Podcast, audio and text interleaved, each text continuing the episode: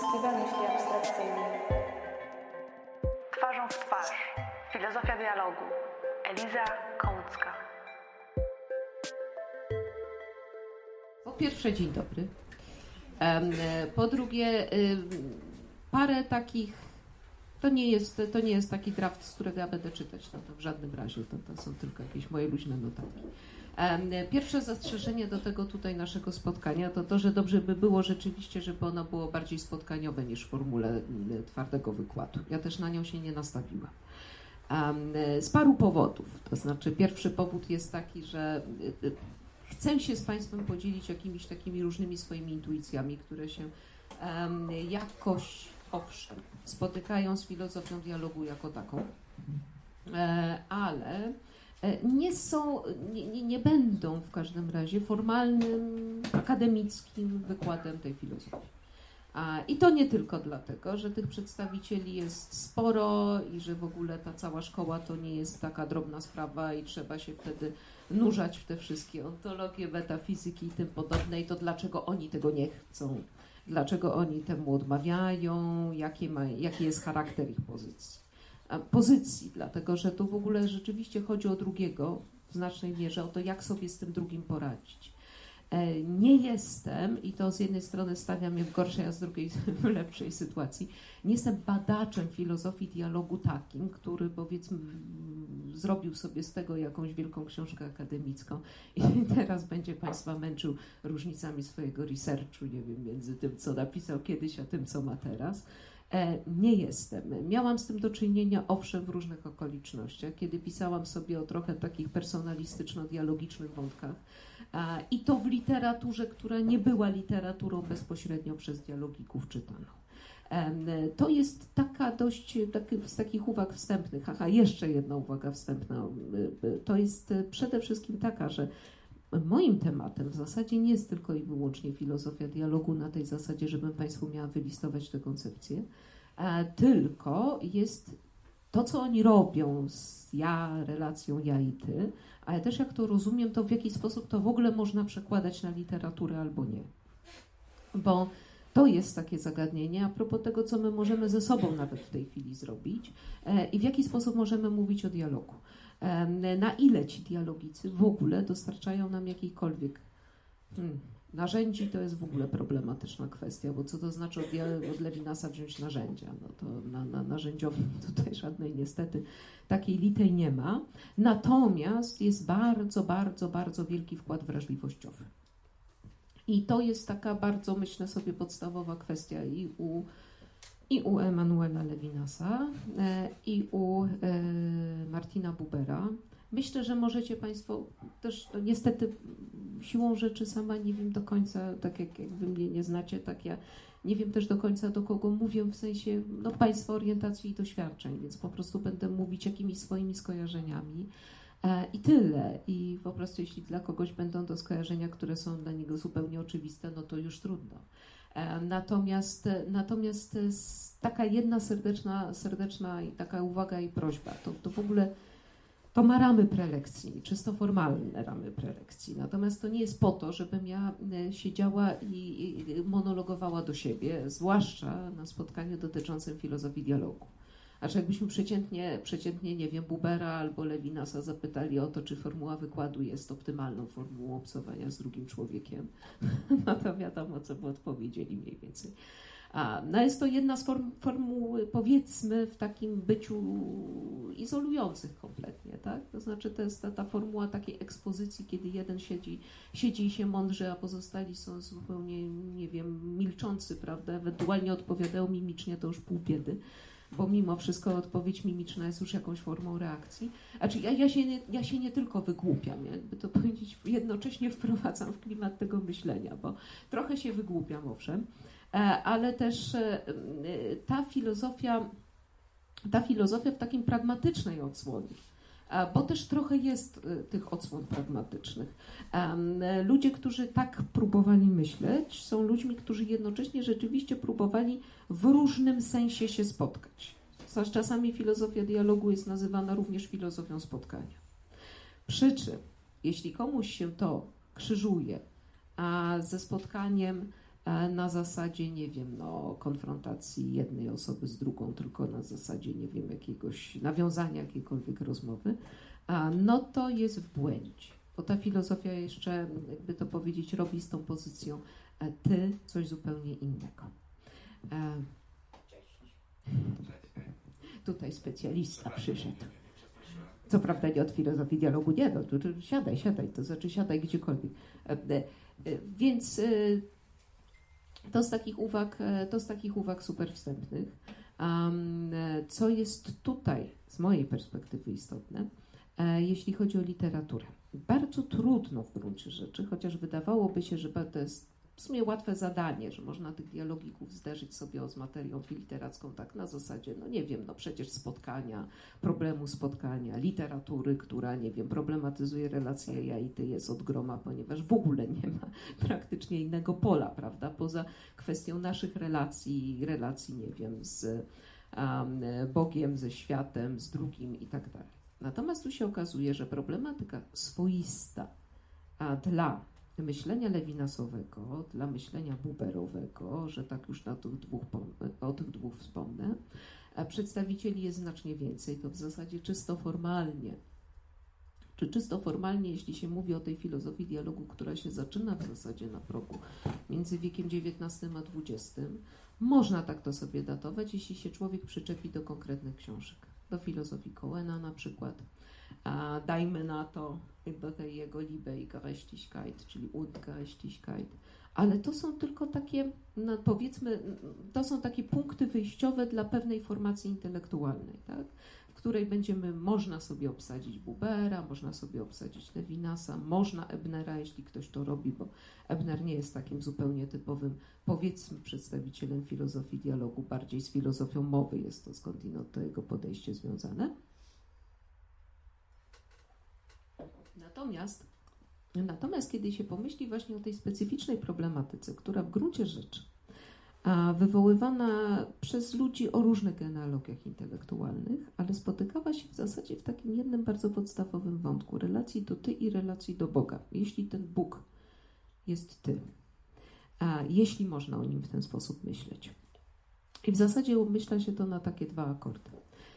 Sprzeciw wobec filozofii Kartezjusza, sprzeciw wobec e, kartezjanizmu jako takiego. Nie wiem, czy Państwo kojarzycie, bo to jest na dobrą sprawę taka, taki wątek, który ich wszystkich jakoś intelektualnie ich wszystkich jakoś intelektualnie bardzo, nie wiem, przejmował. Kojarzycie to, jak w jaki sposób, nie wiem, Kartezjusz myśli o ludzkiej podmiotowości, na przykład o tej roz, rzeczy, powiedzmy, rozciągłej i o substancji myślącej, o substancji rozciągłej. W jaki sposób to się tak, nie wiem, czy to jest dla Was jakoś jasne. Nie jest. Okej. Okay. Natomiast e, to e, w każdym razie e, taki sposób rozumienia podmiotowości jak u Kartezjusza i taki sposób rozumienia Boga jak u Kartezjusza jest czymś takim, co ich absolutnie, absolutnie wrażliwością odpycha. Odpycha też ontologia, odpycha metafizyka, odpycha w każda taka sytuacja, w której na dobrą sprawę trzeba się, trzeba ustanowić coś, wobec czego my mamy My nie możemy z tym wejść w jakąkolwiek formę, nie wiem, takiej dialogicznej relacji. Czymś zupełnie innym jest powiedzieć o ty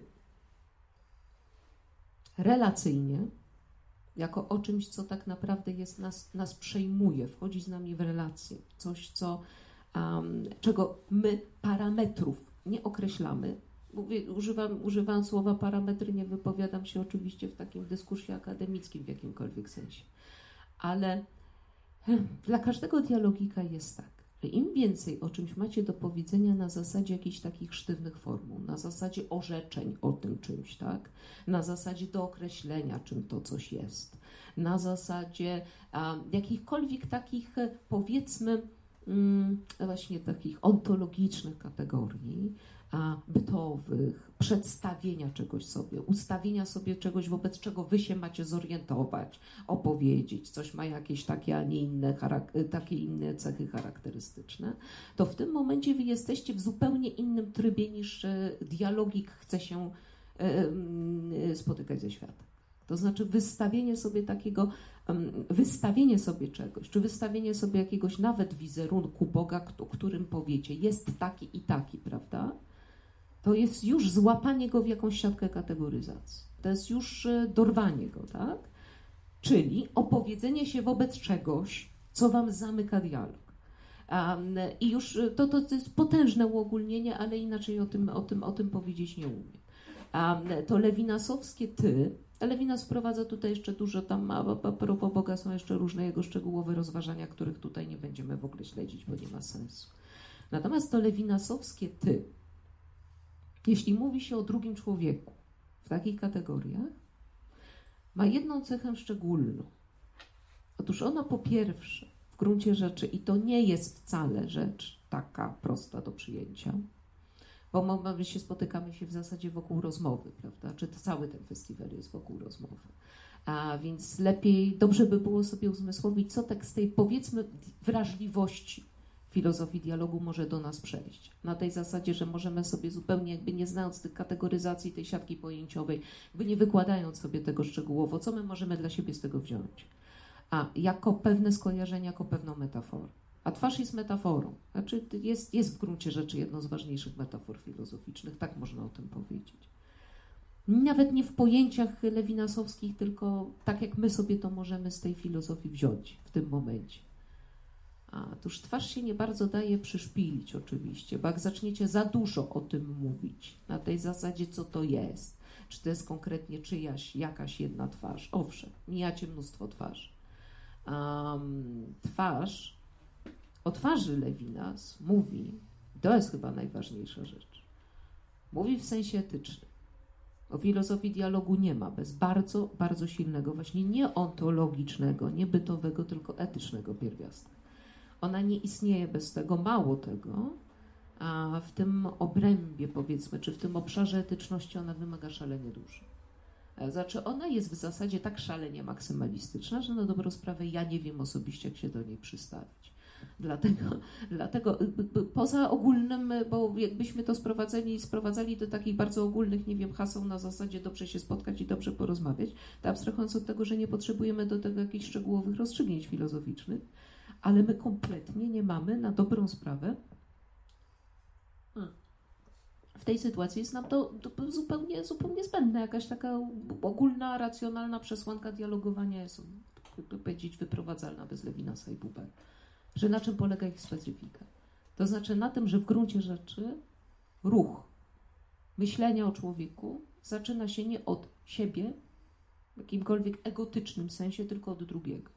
To znaczy, i to jest właśnie to, maksy, to maksymalne zobowiązanie etyczne lewinasowskie, jakby je znowu przełożyć na taką, powiedzmy, średnio profesjonalną, a szybką formułę, to by była w gruncie rzeczy wyższość tego ty nad naszym ja. I to jest specyfika. To znaczy, to jest specyfika, zresztą cały, cała dyskusja a Lewinasa z Buberem, Państwo możecie kojarzyć Bubera chociażby z, nie wiem, z opowieści Hasydów, w ogóle z celebrowania całej tradycji żydowskiej. Bo to jest bardzo nieprzypadkowe, że gros przedstawicieli, powiedzmy, to są Żydzi. Ja nie mówię tutaj w tym momencie, nie sugeruję, żeby umysłowość żydowska szczególnie wychylona ku dialogowi a to, to jest po prostu, pod, powiedzmy, pewne uwarunkowania historyczne temu sprzyjają. Znaczy w pewnym momencie to się już po prostu nakręca i kiedy jeden zaczyna dyskutować i drugi wtedy e, e, robią się pewne kręgi. A pewne kręgi, zresztą te kręgi też wynikały oczywiście z przecinania się dyscyplin, z tego jakie są, jacy ludzie się kręcili, nie wiem, wokół Coena, e, co, co, co, jakie, jakie lektury miał Franz Rosenzweig, o którym już sobie tutaj w zasadzie nie powiemy, bo nie będzie na to czasu to tylko rzucam takimi nazwiskami, które byłyby w jakikolwiek sensie, e, sensie istotne e, z, z, dla tej tradycji. Natomiast tak na dobrą sprawę w tej tradycji żydowskiej przecież, to co tutaj jest szczególnie istotne, to jest w ogóle model rozmowy, po pierwsze, który się bierze z pisma, i ten model albo wadzenia się z Bogiem, albo w ogóle ustawiania siebie wobec Boga, ale też na przykład figura Hioba. Kojarzycie Państwo oczywiście tę historię, nie? A, historię, która też ma wiele wersji, więc ja tu znowu idę jakimś szalonym uogólnieniem. Ale generalnie, na czym jakby polega problem Hioba mm, w pewnym momencie? Że pamiętacie ten, to załamanie się y, jego, powiedzmy, ścieżki egzystencjalnej, prawda? Znaczy najpierw jest, mówiąc trywialnie dobrze, do pewnego momentu, a potem jest pad. I to taki pad po całości egzystencjalny. To znaczy Hiob po prostu ląduje, krótko mówiąc, na kupie gówna, tak? I nie ma zupełnie żadnej możliwości o... Znaczy, to wszyscy go opuszczają, tak? Ponieważ najpierw w tej pierwszej fazie, ja, ja o Hiobie mówię nieprzypadkowo, dlatego że ta figura Hioba się naprawdę w wielu tych tekstach pojawia, gdyby chcieć to skwerentować od tej strony, Lewinasa, Bubera i tak dalej, to gdzieś nawet marginalnie ten Hiob się, Hiob się przemknie. Um, I, i sama sobie nie zadawałam wcześniej pytania o to dlaczego. To znaczy dlaczego, bo nie oczywiście można myśleć o Hiobie w takim sensie, wiecie Państwo, że jak mu współczujemy, to wychodzimy, jakby opuszczamy na moment swoje szczęśnie gotyczne ja, prawda, i przerzucamy się w jakąś tam formą, z jakąś tam formą empatii, prawda, dudku temu drugiemu. Ale to jest niewystarczające wyjaśnienie. Znaczy, jeśli myśleć o tej historii jako o pewnym takiej, takiej, takiej metaforze losu, to to załamanie to jest jakby to powiedzieć takie doświadczenie pustego nieba, tego nieba, w którym by to powiedzieć Bóg raptem nie interweniuje, tak? Bo ta interpretacja tego, że na początku mu się dobrze wiodło, to jest tak jakby, owszem, może się nie wychylał za chmury przysłowiowe, tak? Nawet trudno tego oczekiwać, natomiast to jest tak jakby to wszystko było pod kloszem, tak jakby było w obecności Bożej dobrze mu się działo, tak? I raptem to zostało odjęte. I jeśli tylko na tym poprzestać, jakby nie, nie, nie rozgadywać tego Hioba dalej, to to odjęcie jest jak taki, jest jak doświadczenie fundamentalnego problemu, który okrąża filozofię dialogu. Problemu zamilknięcia tego szczególnego ja, albo ty, albo on, zależy jaką, jaką to, jakiego przedstawiciela filozofii dialogu w tym momencie namierzymy i zmusimy do odpowiedzi. Mianowicie zamilknięcia Boga po prostu. Tak? Niekoniecznie, nie zawsze jest to filozofia, która z, z Bogiem ma do czynienia, ale jednak w przeważającej większości to są jednocześnie ludzie, którzy myślą na sposób powiedzmy teologiczno-religijny. z wszystkimi różnicami między nimi. Bonhoeffer bardziej, bardziej powiedzmy, powiedzmy w paradygmacie protestanckim. A Buber siłą rzeczy, siłą rzeczy jakoś się musi mierzyć z tym judaistyczną refleksją. Tak? Wreszcie paru innych z chrześcijańską. Natomiast ten problem, problem konfrontowania tego, w jakim sensie ja mogę przekroczyć swoje granice, w jakim sensie mogę oddać miejsce temu ty, a jeśli to ty jest tym boskim ty, a nie tylko takim, wiecie, no tylko, no, tylko jasz, no, ale powiedzmy ty drugiego człowieka. Generalnie problem, e, problem e, obracany zresztą wielokrotnie rzeczywiście w literaturze i tutaj akurat nie potrzeba czytać dialogików, żeby sobie z takim problemem na przykład, e, żeby się z takim problemem zmierzyć. Na przykład mierzy się w swoich notatnikach z Cyrał Kawka, tak? Okrąża ciągle ten problem. W jaki sposób? W jaki sposób dorwać się do, do czy tak egzystencjalnie, by przebić przez problem milczenia i braku odpowiedzi, kiedy po drugiej stronie jest niemalże wyczuwalne, ale milczące ty. A co z tym fantem zrobić, tak? To znaczy, w jaki stopniu można się, jakby to powiedzieć, napiąć egzystencjalnie, żeby, no trudno powiedzieć, czy wymusić, bo wymuszenie jest aktem przemocy. Czym jest wymuszenie na Bogu na przykład odpowiedzi? No niektórzy próbują, prawda? A niektórzy próbowali.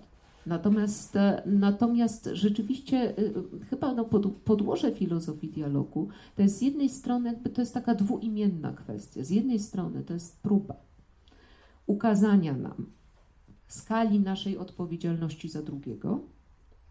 Więc nie tylko woli, rozumiecie, nawiązania rozmowy od takiej po prostu, tak? Owszem, w rozmowie to się bardzo mocno, to, to, to znaczy rozmowa daje nam szansę, żeby to zrobić. Bo w zamknięciu nic się nie dzieje. Rozmowa jest daniem pola temu ty, które nas może zmienić.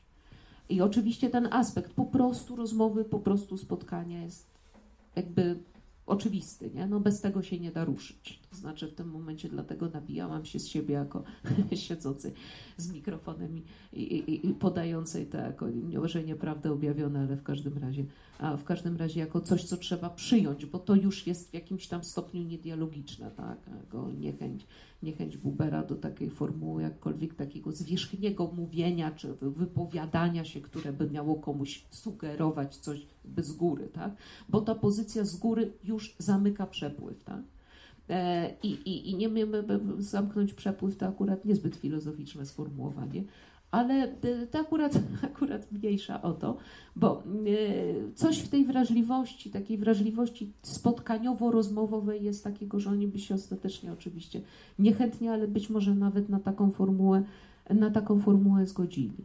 Um, taką typową bardzo, jeśli chodzi jeszcze o filozofię dialogu, żeby o tym żeby to Państwu jakoś tak, powiedzmy, językowo trochę zahaczyć.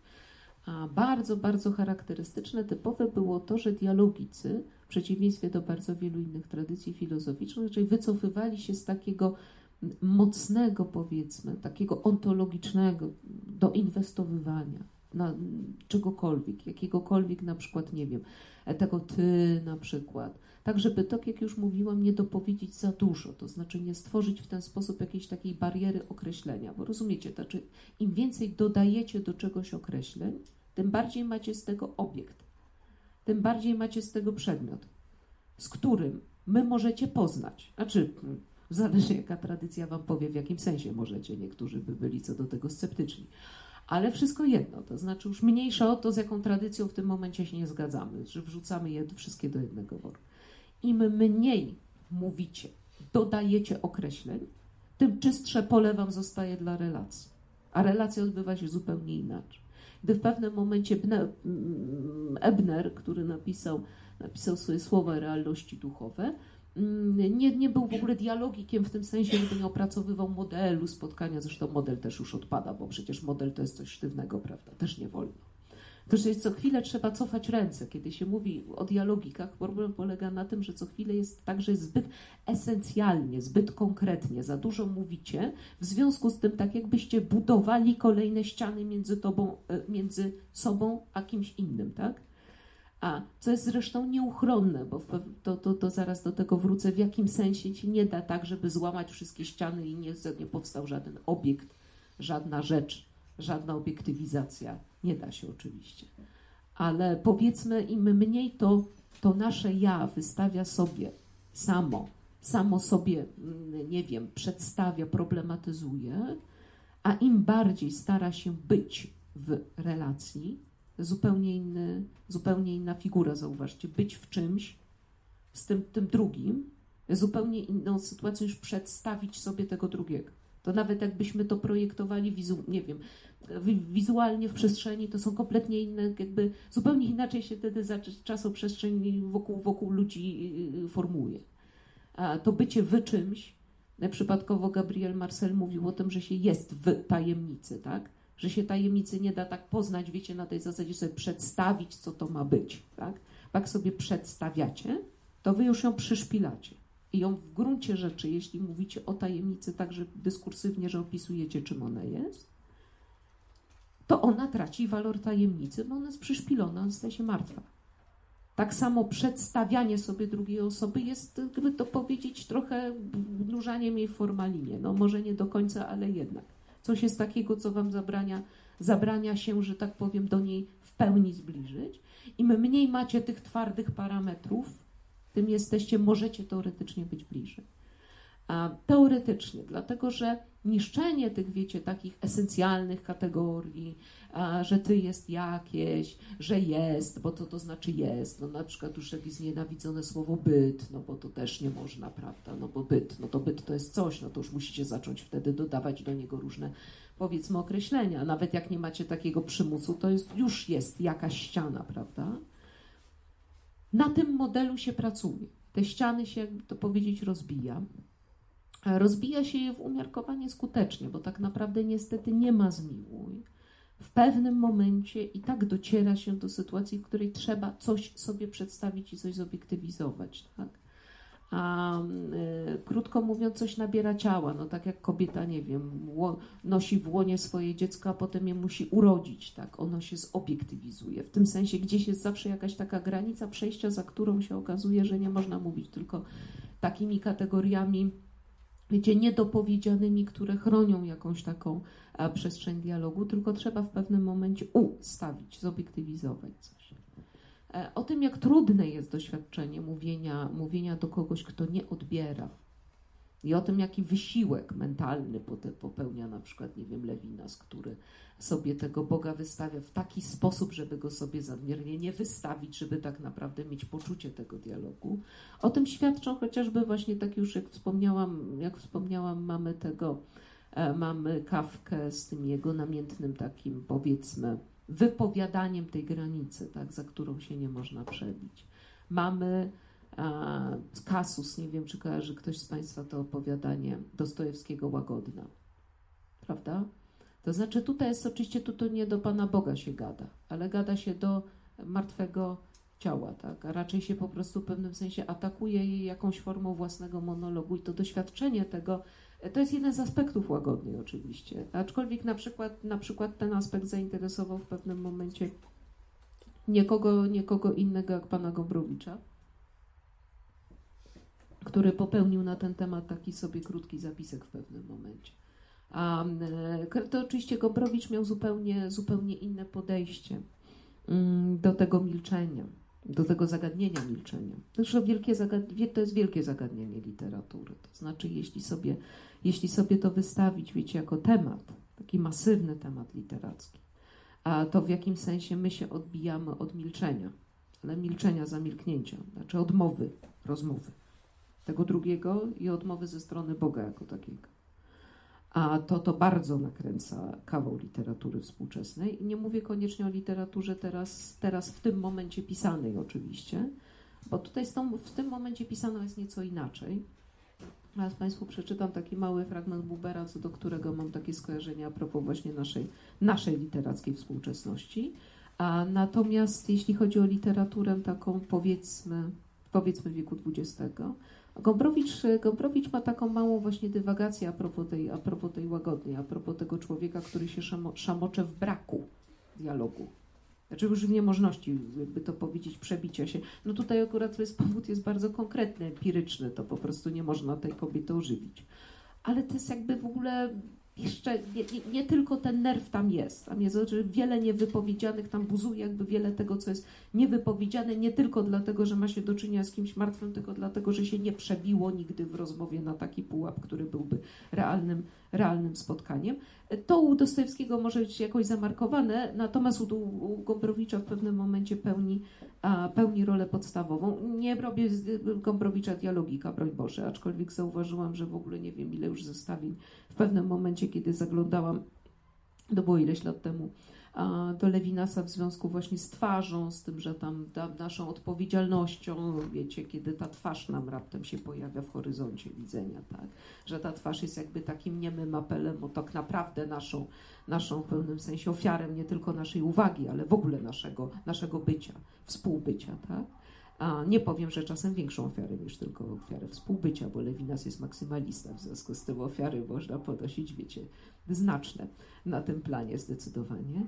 A, natomiast, nie, nie, natomiast zauważyłam, że Gombrowicza się jakoś przedziwny i prze, prześmieszny sposób zresztą zestawia z dialogikami na tej zasadzie, a, że jest bardzo silna relacja, interakcja między tym ja i tyłu Gombrowicza, jak wiecie Państwo, nie? to, to, to myślę, że myślę, że w wielu jego tekstach to czy jest nie wiem, na przykład w ślubie, w tancerzu mecenasa Krajkowskiego i w ogóle mnóstwie opowiadań. To, to typowo gombrowiczowska konstrukcja jest taka, że jeden nakręca drugiego, jak jeden zrobi minę, to drugi musi kontrminę. A, I to nie jest wcale taki, taki, taki drobiazg, nie? to nie jest na marginesie. Znaczy ślub jest w ogóle cały nakręcany w ten sposób, że w pewnym sensie my jesteśmy jakimiś takimi no, zespołami gestów egzystencjalnych, na które ten drugi czy chce, czy nie chce, bo to nie jest tak, że się może stać. Znaczy ten, ten, ten drugi, który sobie stoi i nam nie odpowiada, jest w ogóle szalenie intrygującym z jednej strony, a z drugiej strony wkurzającym obiektem. Tak? Jest jakby ten Bóg, to jest ten Deus absconditus, który się nie wypowiada, bo jak ma się wypowiadać, prawda, w ogóle się nie wypowiada. To są tego typu mechanizmy, natomiast absolutnie nie jest to jedno i to samo. Jak niekiedy autorka kiedyś takiego jednego artykułu twierdziła, że to jakby to powiedzieć to, że jeden nakręca drugiego u Gombrowicza i że następuje w pewnym momencie, wiecie, taka maszynka czasami aż po, po granicę nonsensowności, przynajmniej w odbiorze czytelnika, kiedy nie wiem, no ten pogroził palcem, to tamten drugi już tak jakby patrzycie wklęsły, bo w niego wlazł ten palec, prawda? To są takie, taka, taka maszyneria, nie? E, ta maszyneria jest widoczna w Ferdydurkę, przecież nie wiem, no macie pojedynki na midy chociażby, nie? Ale to, to cały Gombrowicz daje się przeczytać w takiej prawie cały. Może w fragmenty kosmosu się nie dadzą i parę innych rzeczy. Natomiast to dalej nie jest podłożona ta filozofia dialogu. Przede wszystkim Gombrowicz nie jest prospotkaniowy w takim sensie, w jakim by byli pro spotkaniowi, prodialogiczni, jakby ten wektor jest przeciwny, tak? Czy ten, ten Lewinas, który wystawia nam twarz, twarz innego. To jest e, filozofia dialogu, jest też filozofią innego spotkania z innym, ale też tego, w jakim sensie z innym zlać się nie można. Chociażby się bardzo chciało się zlać, tak? Wiesz, wiele tekstów Bubera jest już tak wrażliwościowo wychylonych ku innemu, że może człowieka zemdlić dosłownie. A to tak trochę Gomprowiczowsko się wypowiedziałam, ale czasami ta filozofia jest już taką filozofią, rozumiecie, po prostu takiej tak dyskursywnie daleko posuniętej empatii swego rodzaju, tak bardzo takiego usuwania tej interakcji ja, ty i albo ja Bóg, albo ja my wreszcie. Bo to, to, te słowniki są wymienne, to czy zależy od przedstawiciela filozofii dialogu, że w pewnym momencie już ma się poczucie, że po prostu wszystkie drogi już wyczyszczone, żeby ta unia międzyludzka się stała, tak? A jednak, a jednak nie zawsze ona jest możliwa. Natomiast kiedy nie zawsze, przeważnie jest niemożliwa. A, także to, to, to nie jest też filozofia nierealistycznego optymizmu, bo, bo wiele takich elementów, które ona sama sobie, sama sobie jakby ze sobą robi rozrachunek. To też znajdziecie znowuż i u Bubera, i u Levinasa są takie momenty, w których się widzi jakby to powiedzmy ograniczenia tego podejścia i samemu się je w jakimś tam sensie wykłada. Nie w sensie takim, żeby zbić zasadnicze założenia swojej filozofii, tylko żeby je nie wiem, spostponować, zniuansować, e, zastanowić się nad tym, na ile, na ile to jest w ogóle, e, na ile przejście tak jakby granicy swojego, granicy swojego ja e, jest w ogóle możliwe. Oczywiście nie, nie, chodzi o takie rozlanie podmiotowości, żeby tego ja zupełnie nie było. Jak wiecie, żeby podjąć rozmowę też trzeba być kimś albo czymś. A to nie jest, nie jest zupełnie znaczy nie jest możliwe zupełne takie, nazwijmy to sobie, rozwalenie granic ego, tak? Ponieważ nie da się wprowadzić wtedy modelu rozmowy jako takiej. No, rozmawia co najmniej dwie osoby rozmawiają, tak? Więc musi zostać resztka naszej osoby przynajmniej. Czasami mówię resztka, dlatego że u Lewinasa czasami to wygląda tak, jakby to zostało takie absolutne minimum, rozumiecie, można w ogóle zahaczyć cokolwiek, tak? Wyczyszczenie, wyczyszczenie pola jest e, wyczyszczenie pola jest jednak takie no, no radykalne dość często. E, niektórzy sobie pisali, pisa, pisali sobie, pisał sobie na przykład taki sobie filozof, trochę edyk też e, z Krakowa, Jacek Filek, że na przykład można by było dzielić w ogóle dzieje filozofii europejskiej. Bo jest takie, to jest bardzo, bardzo grubo ustawione, ponieważ nie do końca, nie, nie do końca zdaje egzamin, myślę sobie, ten podział. A na to, że kiedyś mieliśmy w starożytności filozofię trzeciej osoby, to ono, tak? A w nowożytności mamy ja, a we współczesności mamy ty. Takie idealizacyjne troszkę podejście. E, oczywiście w ogóle sama filozofia dialogu, o czym trzeba powiedzieć, ja tego nie powiedziałam na samym początku. Samo pojęcie dialogu i jego ważność dla filozofii oczywiście nie urodziły się w wieku XX. To jest zupełnie, zupełnie jasne. Dlatego mówię o umowności tej granicy, bo to można sobie mówić o tym podejściu, podejściu tych nastu, powiedzmy, ważnych przedstawicieli, jako o tym podejściu, które startuje w wieku XX, z wszystkimi jego chorobami, problemami, wojnami itd. Tak Natomiast macie przecież w ogóle filozofię sokratejską. Macie dialogi platońskie macie wreszcie coś, co jest gdzieś z pogranicza filozofii i literatury jako zjawisko, czyli te tak zwane rozmowy umarłych, tak?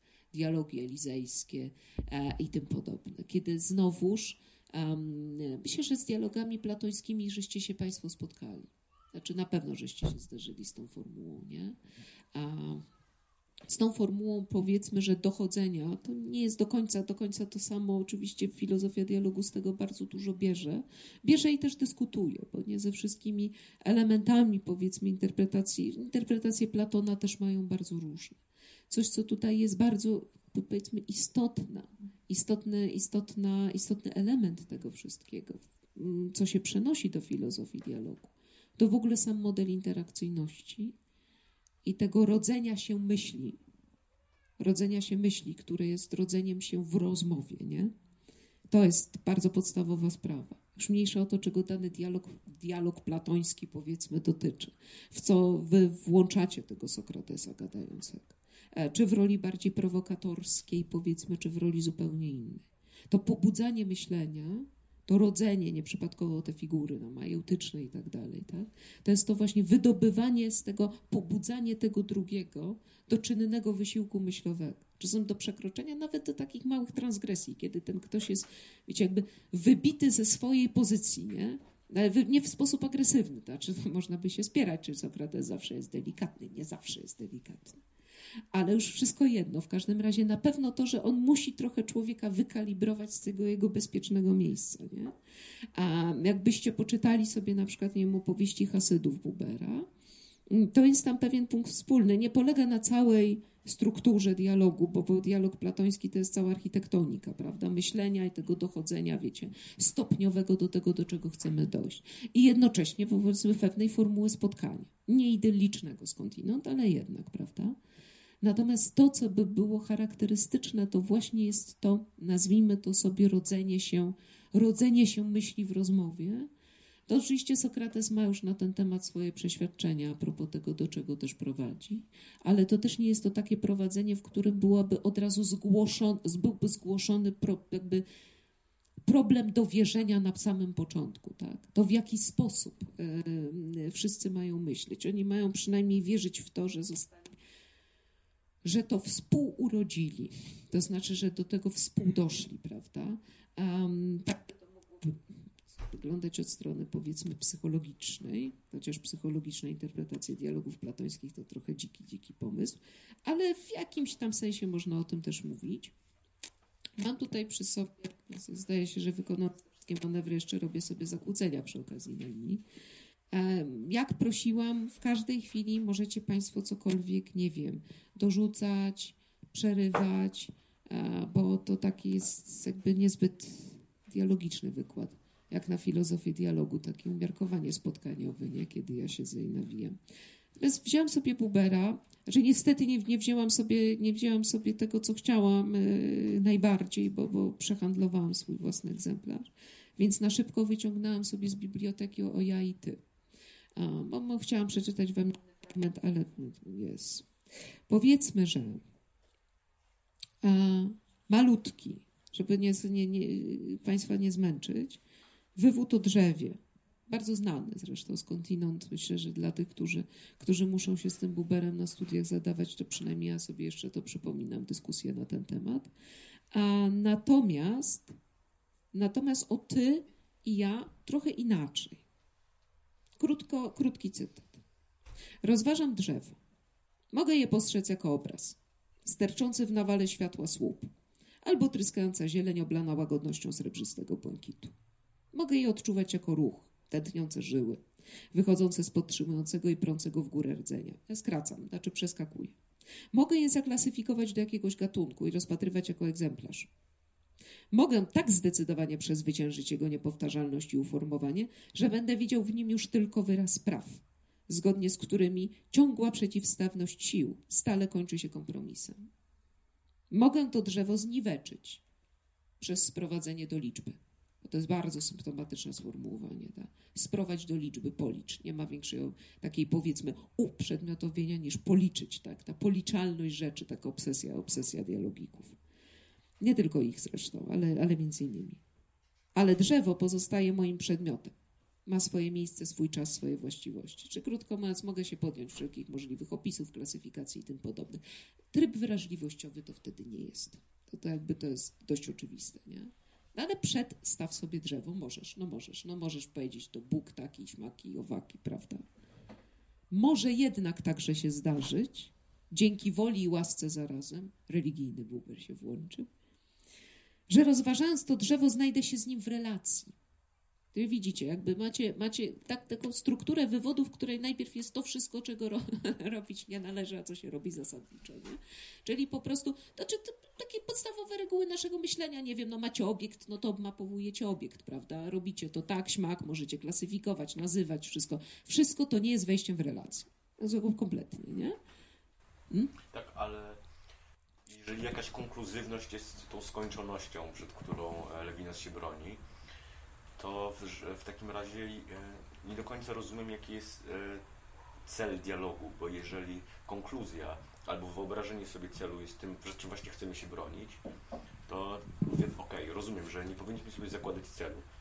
Brak założenia celu nie jest e, brakiem konsekwencji, mhm. ale taki, e, Lewinas pisze, że najpierw jest etyka, potem metafizyka, czyli jednak przecież w pewnym momencie jest... Jest konkluzja, tak, no jest. To znaczy, ale to jest w ogóle nieuchronna taka, no powiedzmy, dialektyka tego rozumowania, nie? To znaczy to bronienie się na tej zasadzie, żeby bronienie się przed obiektywizowaniem, takim przedstawianiem sobie drugiego na tej zasadzie, jak nie wiem, jak u Ebnera e, nie powiesz, e, on jest, bo to już jest za bardzo przedstawiające, powiesz, ty jesteś, nie? I tak dalej, i tak dalej. Ale to jest pewien model natomiast na niego, znaczy gdyby konkluzywność jakakolwiek była niemożliwa, no to Lewinas by nie usiadł z Buperem do sporu i by mu nie powiedział, panie, no ja się nie zgadzam z taką siatką pojęciową, ja się zgadzam z tą drugą siatką pojęciową, nie ma zmiłuj, nie?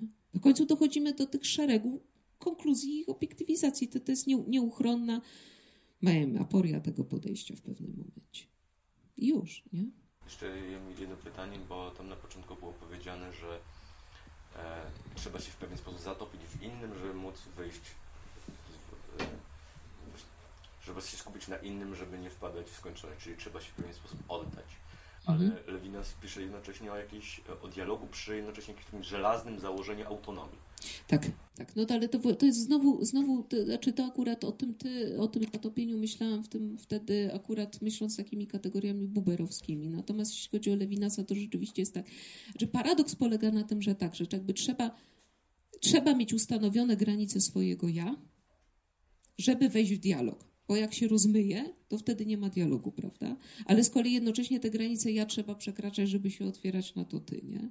Także to jest, y, ja nie umiem prawdopodobnie tego powiedzieć w sposób wystarczająco um, jakby taki dobrze to wizualizujący, obiektywizujący jednocześnie, ale to jest ciągłe jakby y, u Lewinasa to jest jakby takie ciągłe jakby zawiązywanie się, przynajmniej tak jak ja go sobie czytam. To jest na zasadzie takiego może to nie jest ruch wahadłowy, bo to jest źle powiedziane, ale takiego zawiązywania się ja po to, żeby to ja mogło siebie e, e, e, przekroczyć kuty, ale tak naprawdę to przekroczenie, przekroczenie kuty jest możliwe dlatego, że jesteśmy jednocześnie tą osobowością, tym ja, prawda? Także to jest, nie, nie wiem, czy tu problem polega na tym, na złapaniu jakby tego, tego momentu, mm -hmm, bo to jest paradoksalne zupełnie, nie? I tego momentu przejścia, kiedy to, kiedy może, moglibyśmy wyjść od tego, co było jakby najpierw. Bo niby to, to podniesienie, podniesienie tyłu Lewinasa, to ustawienie tego ty na pierwszym miejscu, takim a, pierwszym miejscu, ale to nie jest ustawienie tego w sensie początku jakiegoś procesu, w sensie ontologicznym, tylko w sensie wartościowania, prawda? To znaczy tego etycznym, że to ty stoi wyżej. Ale to nie znaczy, że to ty się rodzi najpierw, nie? W zasadzie to, co my mamy, co nam jest dostępne i to chyba w ogóle te dyskusje, dyskusje z podejściem lewinasowskim i właśnie z wszystkimi jego zapadkami też na tym polegają, że w pewnym momencie, co to jest na dobrą sprawę, kiedy się jednocześnie oczekuje tej takiej w pewnym sensie jakby anihilacji swojego ja, może po prostu tylko i wyłącznie rozpatrywać, żeby ominąć ten paradoks tego likwidacji tej, tego ja, żeby się zlać. Może oczekiwał po prostu mówić o tym w sensie etycznym, nie? Bo to anihilowanie ja to jest tak, jakby to powiedzieć, stworzenie ty pola, ale w sensie etycznym, tak? Że to ja nie staje przed ty i sobą nie zakrywa tego ty. No Gombrowicz by się uśmiał oczywiście, powiedział, co to niby znaczyć, nie? To znaczy, że co, że to, przepraszam, co to znaczy rozlać to ja. To, co jest innego mi jest. Bo wiesz, zadywagowało Gombrowiczu, to do niego na moment mentalnie wróciłam. Znaczy to, co jest mi innego dostępne, nie? Znaczy, oczywiście ja mogę być empatyczny, ja nawet czasem jestem, oczywiście tutaj akurat bardziej wobec świata, wobec cmyrzuczków na plaży niż, niż wobec wielu swoich znajomych, bo akurat z ludźmi Gombrowicz przede wszystkim prowadzi bardzo często okrutną grę. Natomiast to unieważnienie ja na moment, tak żeby dać miejsce światu, nie jest ruchem rozwalenia granic ja w sensie na jakiejkolwiek integralności, podmiotowości Bogiem a prawdą, bo wtedy to co to by było? Gdzie by było ty? Przecież ty jest w pewnym sensie po drugiej stronie w takiej samej sytuacji, nie? Znaczy na jakiej zasadzie ty mogłoby być doinwestowane ontologicznie, a ja miałoby być nieobecne, nie? Znaczy, to jest, to jest rzeczywiście taki paradoks, kiedy się to poczyta od strony nastawienia etycznego, takiej etyczności, wiecie, otwarcia jakby takiej do poziomu prawie że samolikwidacji, bo, bo, bo Lewinasa takie tony czasami pobrzmiewają, w związku, nie wiem, na przykład taką wrażliwością, poza, jakby powiedzmy tak, nie wiem, kiedy Lewinas cytowany w jakichś tam tekstach w związku z zagładą na przykład, nie? I raptem macie takie, wiecie, e, prawie że autoanihilację, no to nie jest możliwe w sensie konstytucji i podmiotowości, żeby siebie no, rozpiżyć, żeby dać miejsce innemu. Kompletnie, nie? Znaczy można oczywiście, mówienie takim, takim językiem, jakim mówią dialogicy, zmienia zupełnie sytuację w porównaniu z taką, która jest tak, czy sytuacją, sytuacją odmowy rozmowy i od, taką sytuacją zamknięcia, tak?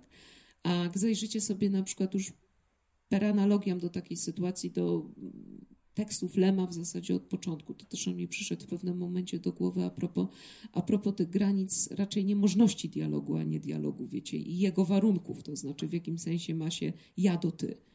A jak macie na przykład, nie wiem, Człowieka z Marsa albo tym podobne teksty, czy nie wiem, Człowieka z Marsa pewnie nikt nie czytał, bo to jest straszna ram, ramota, jest strasznie stare. To jest pierwsza powieść Lema w ogóle. No to pierwsze skojarzenia, kiedy ten Lem jeszcze nie ma takiej bardzo rozwiniętej, wiecie, o tej obrazowości tego człowieka kosmi- z kosmosu, tego innobytu, ale jedno, co tutaj bardzo oczywiste, że wszystkie, wszystkie maksymalistyczne... Coś mi tutaj nie styka. A jak tak poczynu? Wszystkie maksymalistyczne założenia dotyczące tego, jak to my bardzo chcemy nawiązać dialog z tym innym, a to jest radykalnie inne. To jest jeszcze inne, takie bardziej inne niż my sami. A powiedzmy i ten drugi, który do nas przychodzi, który nam wystawia się, prawda, i pokazuje nam siebie w jakimś tam stopniu, chociaż nikłym stosunkowo, to właśnie jakby to powiedzieć, jakby spojrzeć w ten sposób na literaturę Lema i na tę literaturę, którą on w gruncie rzeczy, na tę tradycję, którą on odtworzył. Nie, na, nie od strony cyburgicznej, a tego wiecie, jak on projektuje te innobyty w tym sensie, jakie one tam mają, no nie wiem, jakie tam im atrybuty a, jest w stanie skołować swoją wyobraźnią, a wreszcie wiedzą technologiczną. Tylko jako na modele dialogu, znaczy na modele porozumienia, to wszystko bierze w pył. Po prostu to, to się rozpada kompletnie. Tak? Znaczy wszystkie maksymalistyczne założenia, że my teraz mamy oto z tymi innymi cywilizacjami nawiązać jakąkolwiek formę dialogu i że my jesteśmy bardzo ku temu wychyleni, dostajemy po łapach absolutnie. Znaczy, nie tylko nie dlatego, że to nie ma woli porozumienia ostatecznie, tylko po prostu to są, to są absolutne, wiecie, to, to, to są wszystko na pniu fikcje, tak? Jeśli te innobyty lemowskie potraktować jako y, powiedzmy szeregi, nie tylko takich fantazji technologicznych, futurologicznych i tak dalej, jako szeregi metafor. To by były same, prawie że same metafory nie porozumienia, nie możliwości przebicia się do drugiego, nie możliwości zawiązania dialogu. Skończę tego Bubera, Bubera czytać, żeby już zamknąć ten obraz. Rozważając to drzewo, znajdę się w nim w relacji, czyli ten drugi model, nie? powiedzmy spotkaniowy. Teraz nie jest już ono dla mnie. Nie jest dla mnie, bo to nie ja rządzi, nie? Znaczy to, to w tym momencie wchodzimy w takie typowo empatyzująco-etyczne nastawienie dialogika. To. Nie jest ono dla mnie to. Przestaje być obiektem. Porwała mnie moc jego jedyności. Nie muszę rezygnować z któregoś ze sposobów rozważania. Nie ma niczego, od czego musiałbym abstrahować, ani wiedzy, którą musiałbym zapomnieć. Nie ma po prostu. Zawarte jest tu i nierozdzielnie złączone wszystko: obraz i ruch, gatunek i egzemplarz, prawo i liczbę. Że krótko mówiąc, nie muszę nawet wypierać tego, co już uzyskałem w, in, w trybie poznawczym, tylko to przestaje być to, w tym sensie, żebym przestał mieć poczucia tej, poczucie izolacji, tak? takiego wystawienia sobie tego czegoś. Tak? Tylko mogę teraz raptem poczuć się w relacji. By, znowu, to, to, czy, czy to jest likwidacja osobności tego drzewa? Tak i nie. Z jednej strony nie, bo po pierwsze zostawiamy wszystkie te dane, wiecie, o obiekcie. Znaczy Buber nam nie mówi, nie musicie nawet abstrahować. To nie jest tak, że wy macie zapomnieć, że to jest drzewo. No bo to raczej nawet nierealne, żebyście zapomnieli. Ale z drugiej strony, jak ja przestanę myśleć o tym, że ono jest dla mnie, ja tu człowiek, przychodzę z pozycją roszczeniową, tak? I że teraz, jakby to powiedzieć, upodrzednia mnie poznawczo, tak siebie wystawię w takiej relacji, w zupełnie innej relacji do tego czegoś, bo tak naprawdę jest to ciągle kwestia, mam wrażenie, nie tyle demontażu, czasem też demontażu takiego podejścia, powiedzmy, niektórych tradycji, przynajmniej ontologiczno-metafizycznych, żeby już do wielkiego wora to wrzucić już wszystko po prostu, ale demontażu pewnego typu nastawienia. Tego nastawienia, które mówi dla mnie ja, i ja to wtedy wyłączam i usuwam, i raptem się okazuje, że możliwa jest relacyjność. Czym jest relacyjność z drzewem? Ja nie wiem tak do końca. Aczkolwiek, na przykład, coś, co jest takim zabawnym, zabawne skojarzenie, ale mm, kiedy wchodzi się w pewne dyskursy, takie powiedzmy posthumanistyczno-przyrodnicze, na przykład jest w tej chwili taka nie pierwsza zresztą, aczkolwiek odkrywana bardzo taką dużą pompą właśnie. E, pisarka, przyrodniczka, jednocześnie Urszula Zajączkowska, to myślę, że kojarzycie, prawda? To, to co jest nieprzypadkowe, ja nie będę w tej chwili jakby zreferować jej dorobku. Natomiast co jest tutaj nieprzypadkowe absolutnie? Ona zupełnie mimowolnie, bo kiedyś sobie zażartowałam w rozmowie z nią a propos tego, a propos tego że nadajesz, e, bo, bo nie, nie, w, nie w książce, ale w jednej takiej wolnej prelekcji, wolnej rozmowie mówi, nadajesz Ula jak, jak nie przymierzając buber. No, tak? Czy w sensie, ale kto? Znaczy, bo, bo, bo, bo myślała, że to jest bezpośredni jakby skok w jej jej tradycję, tak? Tradycję, do której ona się odnosi. Wiecie, na czym polega ten zasadniczy myk? A, zmiany perspektywy, który ta pani proponuje, że nie jest żadnym odkryciem, ale jest wyjaskrawieniem. Kojarzycie Państwo te książki? Pani kojarzy. Tak, no. Natomiast, natomiast to takie utrzymywanie, że ona zrobi jakąś wielką rewolucję, w gruncie rzeczy bierze się z tego, co zresztą bardzo wielu właśnie adoruje, z pewnej postawy etycznej. To znaczy z upartego utrzymywania, zupełnie bez posługiwania się kategoriami filozoficznymi, tylko takimi ogólnoempatyczno-ludzkimi, plus biologicznymi oczywiście, bo to jest botaniczka przede wszystkim, że... Czy możesz przybliżyć, na czym polega ten myk? Myślę, że większość osób... Myk polega zasadniczo na tym, że się nie tylko na wczuwaniu się takim, powiedzmy, bez większej wiedzy biologicznej czy botanicznej w to, że, nie wiem, drzewo ma jakieś swoje przeżycia. Z jej perspektywy drzewo jak najbardziej je ma i jest w stanie to udowodnić. Jest w stanie udowodnić, że drzewa się ze sobą komunikują, co nie jest tylko i wyłącznie wiedzą. To nie jest żadna ezoteryka, tylko to są po prostu wiecie, badania dotyczące różnych przepływów, różnych stężeń, tego w jaki sposób drzewa sobie radzą, w jaki sposób na przykład jedno drzewo wycięte jest e, substytuowane jakoś tam pokarmowo przez inne drzewa.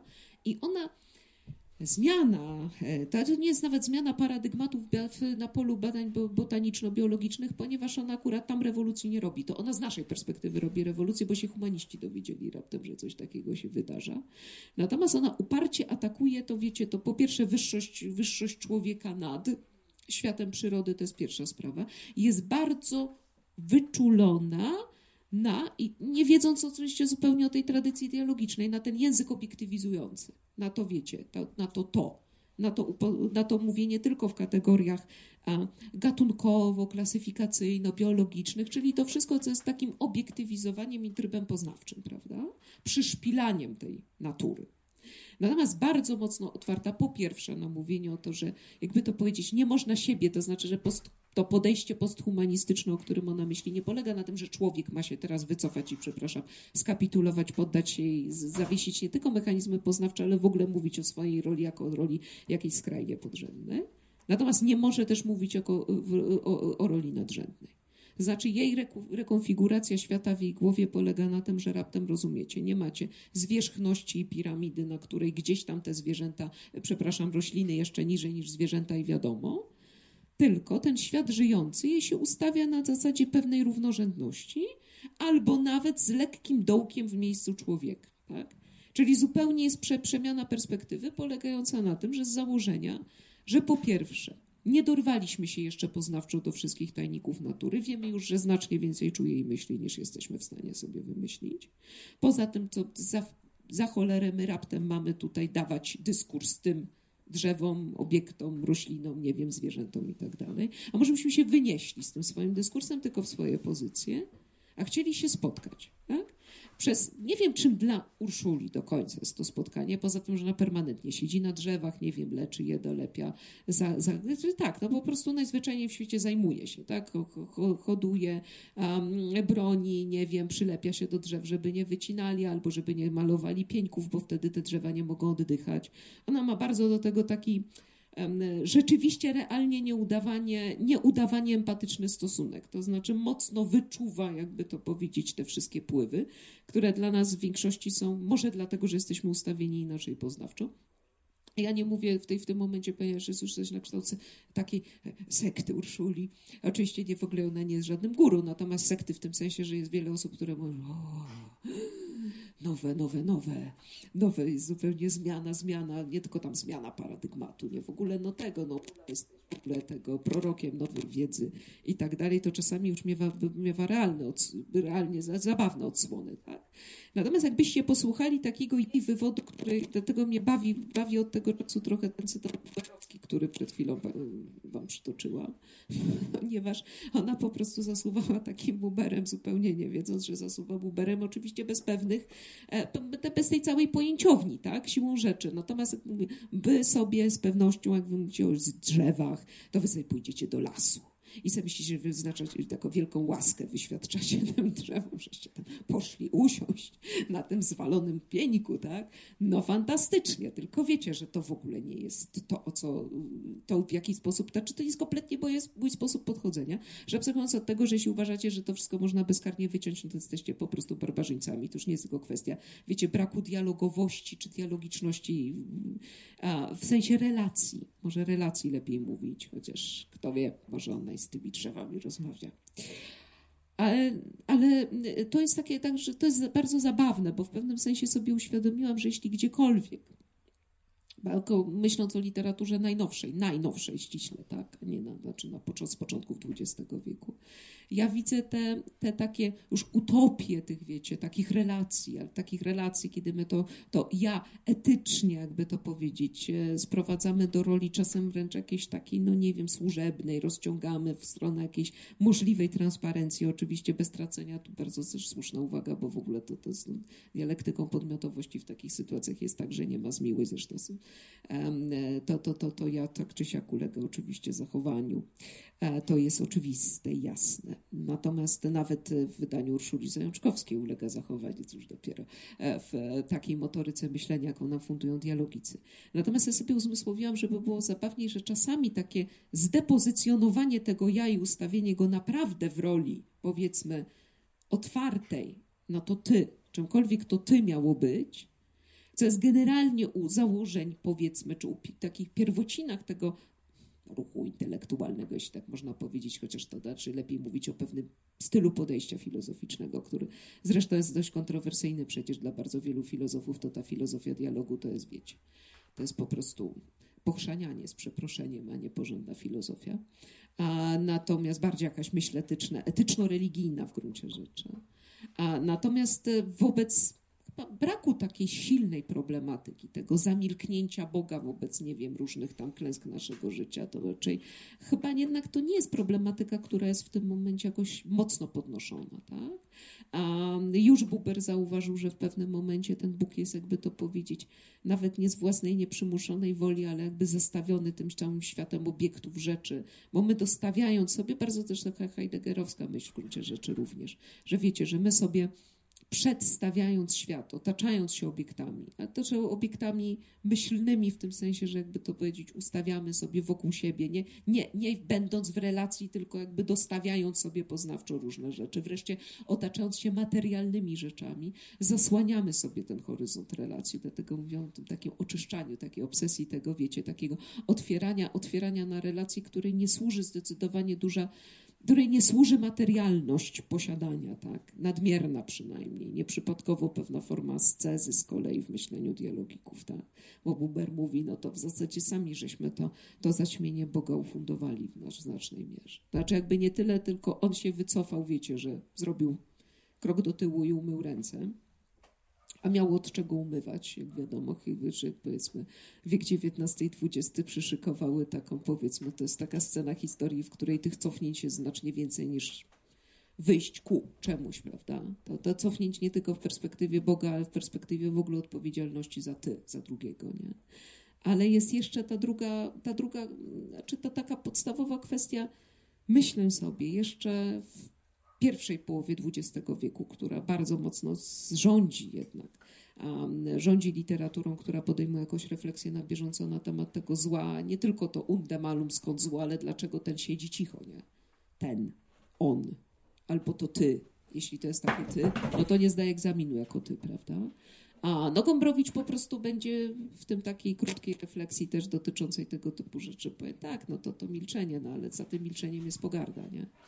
Znaczy, że tak naprawdę ktoś, kto milczy wobec hekatomby, to tak naprawdę jest milczącą pogardą. Nie każdy tak pomyśli. Lewinas nie podstawi pod to ty, które nie mówi pogardy. Przynajmniej będzie próbował tego nie zrobić, prawda? To jest raczej odwrotna, odwrotny tryb kojarzenia. Nie, nie, nie pogarda tutaj milczy, tylko to ty jest czymś takim, do czego my się ewentualnie nie jesteśmy w stanie przebić swoimi, jakby to powiedzieć, władzami albo łaską, jakby powiedział, powiedział Buber. Natomiast sobie uzmysłowiłam, że w gruncie rzeczy w pewnym momencie ta wrażliwość na ty, która absolutnie brała od początku też świat przyrodniczy pod uwagę. I w wydaniu Bubera, w wydaniu Lewinasa, to nie jest tak, że to jest tylko i wyłącznie, nazwijmy to sobie, człowiek, że taki trójkąt, wiecie, ja, ty, Bóg i ewentualnie jako jeden wierzchołek trójkąta może być nie ty, tylko jakieś my zbiorowe, nie? Tylko, że tak na dobrą sprawę ten świat, ale się nam nie lubi. To jest taki wzrok na zasadzie ja cię zamorduję. że nie, niespecjalnie dialogiczne. A, no, natomiast, natomiast sobie uzmysłowiłam, że jeśli, jeśli ja gdzieś widzę jakieś takie sytuacje takiego spojrzenia facing the truth, za dużo nawijasz, Paweł kończy. No to, to, to był to, to fakt, esencja, esencja dialogu. Chociaż dialog nie esencjalny ma być. Trudno, ale to było tak. To, to, to było to. Twarz, twarz. To była twarz. Prawda? Twarz się nie wypada, ale twarz cię bierze po prostu. Więc ta twarz mnie wzięła rzeczywiście, bo mieliśmy, mieliśmy kontakt. Natomiast tak jak sobie uświadomiłam, właśnie te wszystkie ich postulaty etyczne, jakbyście tego Bubera od tej strony zobaczyli, wiecie, tam nie, nie, właśnie to być dla, e, wiecie, złamać ten prymat tego swojego ja, prawda? Jakby to, nie to, że złamać temu ja karki, je upokorzyć jakimś takim, nie wiem, gestem przybijania go do podłogi, czy raczej walnięcia nim o podłogę, tylko takie, no takie jakby to powiedzieć, rozszerz swoje granice, wyjdź ku czemuś, Miej odwagę tego wyjścia jednak, bo to też jest kwestia odwagi. Może to nie jest postulat specjalnie filozoficzny, ale etyczny owszem jest. To na dobrą sprawę, jeśli miałabym mówić o tych wrażliwościowych kwestiach, właśnie takich, w których nie to ja się nie zamyka, jak to jest w ważkiej części poezji najnowszej, kiedy jest jednak okrążanie swojego ja, e, kiedy problem nawiązania dialogu jest problemem w gruncie rzeczy bardzo to, to gryzionym od jednej, drugiej strony, ale nierozwiązywalnym jest znacznie więcej odmów relacji w gruncie rzeczy niż relacji. To straszne uogólnienie, ale byłabym w stanie się go jednak trzymać, mimo wszystko. Natomiast, e, owszem, w tej literaturze, która się zwraca ku żyjącemu światu, ta już wydanie Urszuli jest o tyle specyficzne, że ona jednocześnie robi w tym świecie żyjącym, w tym sensie, że jest dość mocno. Jej uwaga, jej udział, powiedzmy, jest po stronie tego rzeczywiście nie ludzkiego, a zwierzęco-roślinnego świata, ale dopiero w tym ty, w tym ty zwierzęcia, powiedzmy, jeśli tak mogę powiedzieć, które jest właśnie taką obecnością, można by było powiedzieć, że nawet, nawet taką bardziej bezpośrednią, jest czymś takim, z czym można, czemu można spojrzeć w twarz, czyli w oczy. Czy ten, to, to ty drzewa, które nie jest właśnie powiedzmy, które okazuje się relacyjne, tak? Nie jest dialogiczne w tym sensie, że zwierzowanie powie, już biorę korekturę na że przeciętny nasze procesy poznawcze nie są na poziomie botaniczki zajączkowskiej, więc nie rozmawiamy z drzewami, tak jak ona z nimi rozmawia. A chyba, że mamy taką jakąś tego nadzmysł do tego, ale jeśli pozostajemy na poziomie zmysłu normalnego, to nie rozmawiamy. Natomiast nasza pozycja naszej podmiotowości jest zupełnie inna, kiedy rozumujemy właśnie w takim sensie posthumanistycznie, tak jak ona na przykład. Nie mówię o teoriach akademickich i o posthumanizmie uprawianym, jak wiadomo, na tej zasadzie, że ktoś nie wie, ma wywód na ten temat, tak? Tylko e, jak Państwo kojarzycie z pewnością, ten zasadniczy zrąb tych teorii jeden, jedno ma wspólne, czy, czy to jest, nie wiem, um, botaniczne, zoologiczne, czy jakiekolwiek inne, czy wreszcie dotyczy tego, co parę naszych koleżanek też bada, mianowicie tego, w jakim sensie w relację można wejść z humanoidem, prawda? I w jakim sensie tego huma, humanoida, skoro już mówi, gada i to całkiem do rzeczy, nie sprowadzać wyłącznie do roli obiektu, tak? To znowu są potężne uogólnienia, ale chodzi o to, że im więcej nam się światów tego typu otworzyło, tym większe jest wyzwanie dialogiczne. I czym i potem modelowania tego dialogu oczywiście od strony powiedzmy filozofów dialogu, którzy przeciętnie raczej nie dożyli tego typu problemów, a w każdym razie nie wszystkich tych problemów w takim ujęciu. Żyli w nieco innym świecie oczywiście, więc te zawiązanie relacji jednak do takiej absolutnie podstawowej, mm, podstawowej w takim paradygmacie ich nie dotyczyło. Natomiast w innym nie owszem, nie?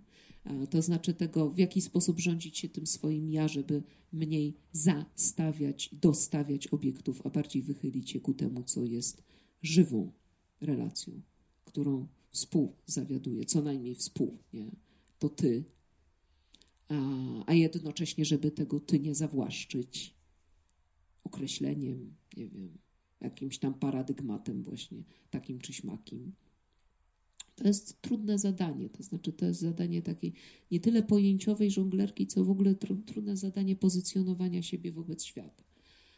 I tak, tak nie wiem czy pożytki nawet, ale tak tę filozofię w jakichś takich zasadniczych nastawieniach pojmuje, jako taką filozofię, która um, taką filozofię, czy takiej, no właśnie, właśnie, nie wiem, czy mówić nawet o jakiejś takiej real, regularnej gałęzi filozofii. Czysto formalnie zadekretowano ją jako taką, nie? A granice są o tyle nieszczelne, że przy różnych przedstawicielach można się upierać, nie przy Ebnerze na przykład, że to w ogóle nie jest wymienionym tutaj, że to w ogóle nie jest filozof dialogu, bo Ebner się zajmował tak naprawdę mową, żywą mową, mową jako takim powiedzmy fenomenem, który zupełnie nie jest jakby, który od, odsuwa się od tego, co jest no powiedzmy systemowo-językowe, a dąży ku temu, żeby pokazać w jakim sensie ta mowa jest właśnie tym powiedzmy, jak to wygląda w perspektywie ja i ty, w perspektywie relacji, tak? Bo zresztą myślę, że chyba taka intuicja, która szalenie podstawowa, które, której nawet nie trzeba w ogóle studiować filozofii, żeby ją poznać od strony literaturoznawczej, nie? To, że zupełnie czymś innym jest mowa, a czym zupełnie innym jest język jako system znaków. Należy nie trudno sobie wytłumaczyć to, czym to się różni, nie? Niby macie tu słowo i tu macie słowo, nie? Ale to w jakim sensie jesteście nastawieni, kiedy mówicie o żywej mowie, Żywa mowa jest podmiotowa, żywa mowa jest angażująca. W żywej mowie ty jesteś. W języku cię nie ma. Znaczy język jako system znaków po prostu najzwyczajniej w świecie nie bierze człowieka. Oczywiście nie no językiem się posługujemy, jasne. Natomiast jakby to, znowu, to jest niby jedno i to samo, ale jednocześnie coś zupełnie innego. Przeciwstawisz sobie język, przeciwstawisz sobie mowę, żywą mowę, jeszcze jak dodasz tego typu określenie, to już wiesz, gdzie będą dialogicy. Nie? Znaczy nie mogą być po stronie języka, tylko po stronie mowy. I nieprzypadkowo to bubne, to buberowskie, ta buberowskie wracanie do ustnych opowieści, wracanie do, do, i produkowanie ich, nie? Bycie po stronie maksymalnie tego, co jest mówione i przepuszczone przez człowieka i przez relacje, a absolutnie minimalnie wycofywanie wszystkich tych faktorów sztuczności. Tego, co nawet jeśli mówimy o języku jako o systemie leksemów, znaków, no wystarczy, że jest się nawet, nawet nie filozofem dialogu, dialogu jakimś takim jak Bachtin, kto przecież sobie literaturoznawczo na poły też filozoficznie, bo kim on był, to możemy się spierać i w ogóle może on był też filozofem dialogu. Cholera wie. No natomiast jedno jest tutaj dość oczywiste, że im bardziej nie lubisz, nie lubisz systemowych uporządkowań, nie lubisz, nie wiem, lingwistów, którzy biorą sobie jednostkę języka, leksem jako coś takiego, co będą potem oglądać przez, nie wiem, szkiełko powiększające, nie? Im bardziej jesteś w laboratorium, im bardziej przedstawiasz sobie coś i to obiektywizujesz, tym mniej jesteś w relacji. W związku z tym taki po prostu ten hejt Bachtina na tych, na tych lingwistów, na to wszystkie językowe, wiecie, ramoty. Nie dlatego, że się nie szanuje badaczy, a niech sobie badają, tylko badacz nie jest w relacji. Badacz sobie musi przyszpilić obiekt, nie?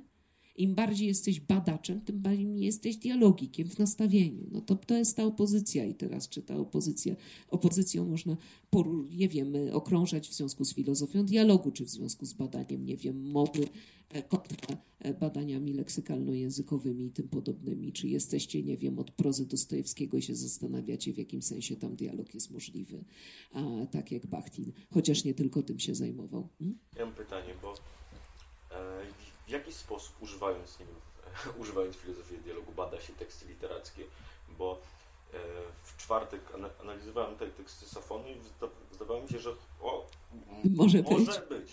I poszedłem do pana Majewskiego, on powiedział, że to jest intelektualne mitologizowanie tekstu. I on... I to, O, Matko Święta.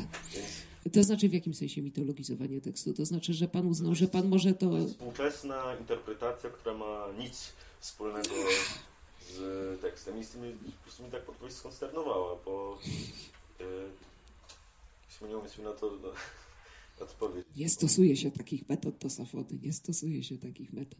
Nie no, to znaczy w, w ogóle nie ma czegoś takiego, jak e, nie ma tendencji do używania filozofii dialogu czy dialogików w ogóle do badania, czy do otwierania tekstów literackich. Ja dlatego, e, w sensie, to znaczy takim ściśle naukowym, cokolwiek to znaczy w takiej sytuacji, a nie znam takich, specjalnie takich przymiarek, poza może takimi sytuacjami, kiedy sam powiedzmy dialogik, czy osoba o tego typu nastawieniu zabiera się do literatury. No na przykład, nie wiem, Tischner u nas, tak, który się męczył z tą swoją filozofią dramatu i filozofią dialogu jakoś przez siebie rozumianą, no ale też z relacją ja i ty. Poczytał sobie Dostojewskiego, aczkolwiek rzeczywiście tu cofki nie były większe chyba niż, e, chyba niż, chyba, no chyba, że rozmawiamy w ogóle o dialogach, no nie wiem, jakichś tam platońskich i tak dalej, ale to jest inna trochę problematyka. Samą wrażliwością filozoficzno-dialogiczną cofek takich większych niż wiek XIX to nie kojarzę specjalnie. A, natomiast ten zarzut jest taki z deka z zewnątrz zrobiony, prawda? Na tej zasadzie, że coś pan mi tutaj się ładujesz w takie stare teksty z intuicjami z początków XX wieku. E, To nie rozkłada tekstu na części w żadnym razie, zwłaszcza, że dialogiczna wrażliwość kompletnie na to nie pozwala, nie? Natomiast w jakim sensie można mówić o relacji ja i ty? No to dlaczego nie? No tylko, że to nie będzie badanie w sensie takimi narzędziami poznawczymi, tylko po prostu przybliżenie tego, w jakim sensie relacja na przykład jest możliwa, w jakim nie, jak jest projektowana przez to ja mówiący w wierszu, że tak już powiem, no, albo w dramacie. Czy ja bym nie miała nic przeciwko temu, tylko że no chyba, że ten zarzut jest rzeczywiście na zasadzie ala zarzuty o anachroniczność i tym podobne, nie? Że się przesuwa pan na przykład, czy podsuwa się pan z metodologią. Tylko filozofia dialogu nie jest metodologią, no. Więc dlaczego nie, jeśli chodzi o taki ogólny obszar rozważań, to why not, ja myślę. Tylko, że to nie jest metoda. Jeśli można coś dodać, ja nie, nie znam się za bardzo na filozofii, więc nie będę tutaj specjalistą. Ależ przecież my nie jesteśmy tutaj E, na akadem, akademickim spotkaniu. bardzo mnie zastanawia jedno, dlatego że ja dialog kojarzę jako rozmowę. To raz, więc trochę mi to, co słyszę do tej pory się nie zgadza w tym sensie, że próbę wychodzenia do innego, w sensie Mhm. jakby próbę właśnie wejścia w niego. Natomiast to wciąż nie jest dialog, to jest jakby właśnie tak jak mówię, przełamanie monologu z próbą przejścia do dialogu. Mhm. Więc to jest taki półetap powiedzmy. Mm, Dialog widzę jako przechodzenie wzajemne, w sensie my przechodzimy do tej drugiej osoby, a Mhm. ona wzajemnością przechodzi Mhm. do nas, więc wtedy dopiero mamy do czynienia z dialogiem. Tak, tak. W tym sensie zastanawiam się, na ile rzeczywiście możliwy jest dialog e, ze zwierzętami, z roślinami i z Bogiem, dlatego że wydaje mi się, że dialog wymaga jednak Odpowiedzi. równości. Znaczy w ogóle, mm, tak. Równości, Mhm. W sensie, że traktujemy się na równi. To znaczy, jeżeli wchodzę z Tobą w dialog, to zakładam, że e, jesteś w miarę mi równy. Nie chodzi Mhm. mi o równość pozycji, chodzi Jasne. o równość myślenia, rozumienia. Mhm. E, Nie, to- I, jeszcze tylko dokończę. Jasne. Znaczy, z tego punktu widzenia wydaje mi się, że dialog z Bogiem nie jest e, możliwy, bo nie ma równości i to samo mówię o poziomie niżej. E, Natomiast moje takie dwie refleksje jeszcze dodatkowe. Jeżeli bym mogła przytoczyć jeden przykład idealnego wejścia w drugiego, to chyba jest Jezus Chrystus, który z Boga staje się człowiekiem, Mhm. człowieka w Boga, więc jest przechodzeniem tym idealnym. To może jest taki przykład e, dla mnie może idealny właśnie. E, natomiast do rozmowy, widzę tę rozmowę po świeżej lekturze Starego Człowieka i Morza. E, rozmowa z rybą. Ona się odbywa i ten stary człowiek rozmawia z tą rybą, jednocześnie on ją unicestwia, w sensie on ją Mhm. traktuje na równi. To nie jest dla niego, nie lubię, znaczy nie podoba mi się koncepcja Bubera jako e, maksymalna wrażliwość w tym sensie, że tak się zniżamy, że nie traktujemy go Znaczy to jest bardziej lewinasowskie. Właśnie m, tu rzeczywiście, to znaczy ja bardzo mocno akcentowałam ten powiedzmy tego, te, to wrażliwościowe przełamywanie, natomiast teraz to, to, czy to Pani pytanie tak naprawdę jest bardzo istotnym dopowiedzeniem. To znaczy właśnie ta, a jeśli uschematycznić e, jakąś formę sporu między Buberem a Lewinasem, z całym doinwestowaniem tego ty, jasne, w tych dwóch, dlatego że po prostu to ty bardzo często się pomija, więc oni musieli najpierw jakby wyeskalować tę pozycję. Natomiast ostatecznie to tak naprawdę to ten buberowski model, zarzut Lewinasa, że on jest zwrotny, to znaczy, że wiadowicie od ty do ja i od ja do ty. To znaczy, że jeśli zlikwidujemy, bo, bo można oczywiście, skrajność jedna to jest po prostu doinwestowanie ja takie, że to ty nas nie obchodzi. W filozofii dialogu to nie grozi, nie? Natomiast grozi jej przeciwny ruch. To znaczy grozi jej rzeczywiście, i to, i to, i to był zarzut Bubera pod adresem Lewinasa. Człowieku, przesadzasz. Znaczy ja... Ech, tak sobie ich wystawiałam, rozmowy umarłych, nie? Siedzą sobie na tych polach elizejskich, człowieku, przesadzasz. No. A to, to jest dalece bardziej skomplikowane, ale już przechodząc na taki bardzo podstawowy ten, a, że to jest, że jakby to dialog faktyczny jest dopiero tak, jak pani mówi, między ja i ty, i one mają być, nie, nie, nie musimy ich ustawiać na jakiejś nawet takiej wyobrażonej płaszczyźnie, no ale powiedzmy, że em, powiedzmy, że wy, wyeskalowanie pozycji ty, jak to się zdarzało Lewinasowi, jest w pewnym sensie też niedialogiczne. O to Buberowi chodziło. Ma być wymiana. Ma być wymiana w tym sensie między ja i ty, no tak między dwojgiem, których nie może zabraknąć, co najmniej dwojgiem.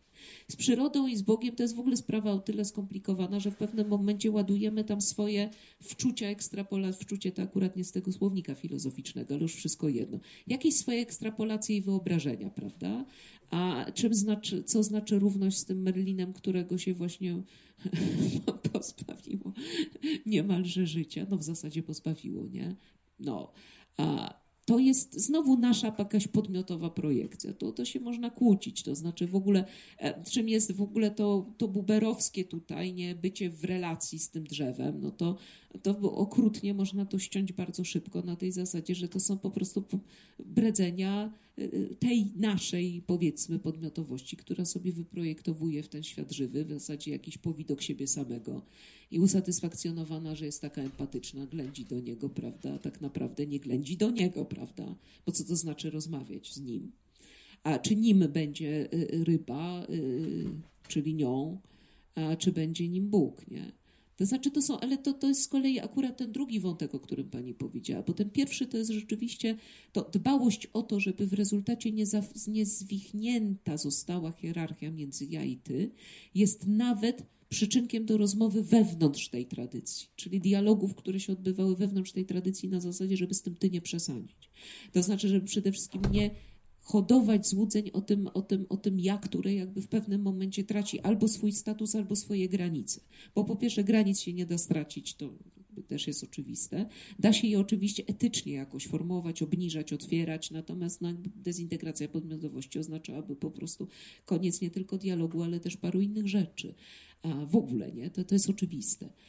Natomiast to wzywanie, że jesteśmy rozmową, jesteśmy rozmową, namiętne jesteśmy rozmową, którą ma, mamy u bardzo wielu przedstawicieli tego nurtu, ale to, to już naprawdę, naprawdę od Jakobiego, od paru innych filozofów jeszcze zdecydowanie poprzedzających te tradycje. Musielibyśmy się tu o 10 lat cofnąć. Też mamy tego typu myśli, nie?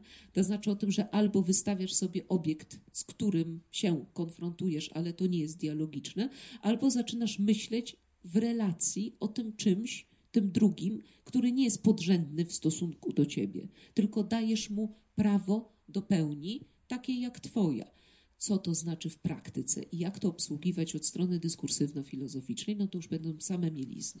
I z tymi mieliznami oni się mierzą. Natomiast ta uwaga, uwaga bardzo słuszna o, tym, o tej współmierności, ona w gruncie rzeczy jest nieuchronna, znaczy ona, ona, ona staje się swego rodzaju warunkiem, bo ta, myślę, normalnego rozumienia dialogu, w ogóle wymiany. Tego, że no, u Bubera przecież, jeśli spojrzymy na Bubera nie od strony dawcy jakiegoś podejścia, ale od strony tego, co on robi z literaturą, z opowiadaniem historii.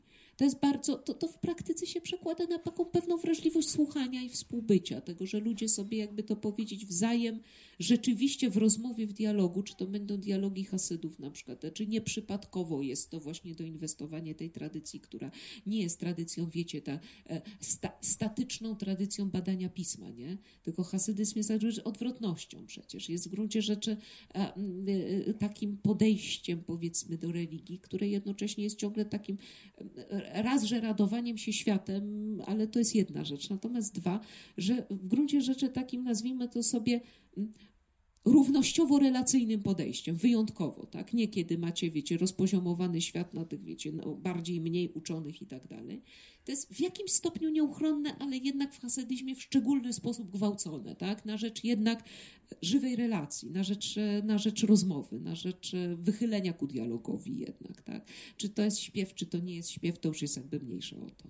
Natomiast ten hasydyzm tutaj nieprzypadkowo się włącza, bo on jest jak na podejście religijne wyjątkowo relacyjne. I musi być taki. Właśnie nie takie pindrzenie się na zasadzie, prawda, im wyżej w hierarchii bytów lądujesz, tym lepiej, tylko wręcz przeciwnie. Coraz bardziej blisko natury, też nieprzypadkowo, nie? Bo się chce od tej natury czegoś. Chce się jakiejś formy relacji. Czym jest forma relacji z drzewem, no to już jakby sobie sami musimy o to odpowiedzieć na to pytanie. Oni nie dają odpowiedzi na to pytanie. To znaczy, chyba, że ja jestem, co też jest bardzo możliwe, oczywiście, już skończyłam, tak, wielorako, wielostronnie i tak dalej niedoczytana. To też jest jasne, że ja nie mówię Państwu o detalach tych tekstów. A natomiast o jakimś zasadniczym kształcie pod. Hmm? A, że nie, ale to ja to już nie, nie, nie, nie, to nie jest tak, że ja jakoś potrzebuję tego, tego czasu i że to jest w ogóle jakoś, mm, jakoś ten. To może, to znaczy, jeśli wy Państwo, nie wiem, jakimiś swoimi skojarzeniami a propos dialogu, ja byłabym na przykład bardzo ciekawa, czy dla, czy tylko to nie jest jakieś zadanie na tej zasadzie, że ja Państwa do tego jakoś zmuszam, bo w żadnym razie dialogicznie się muszę zachowywać do końca, że nie mogę nikogo presjonować. Nie mogę.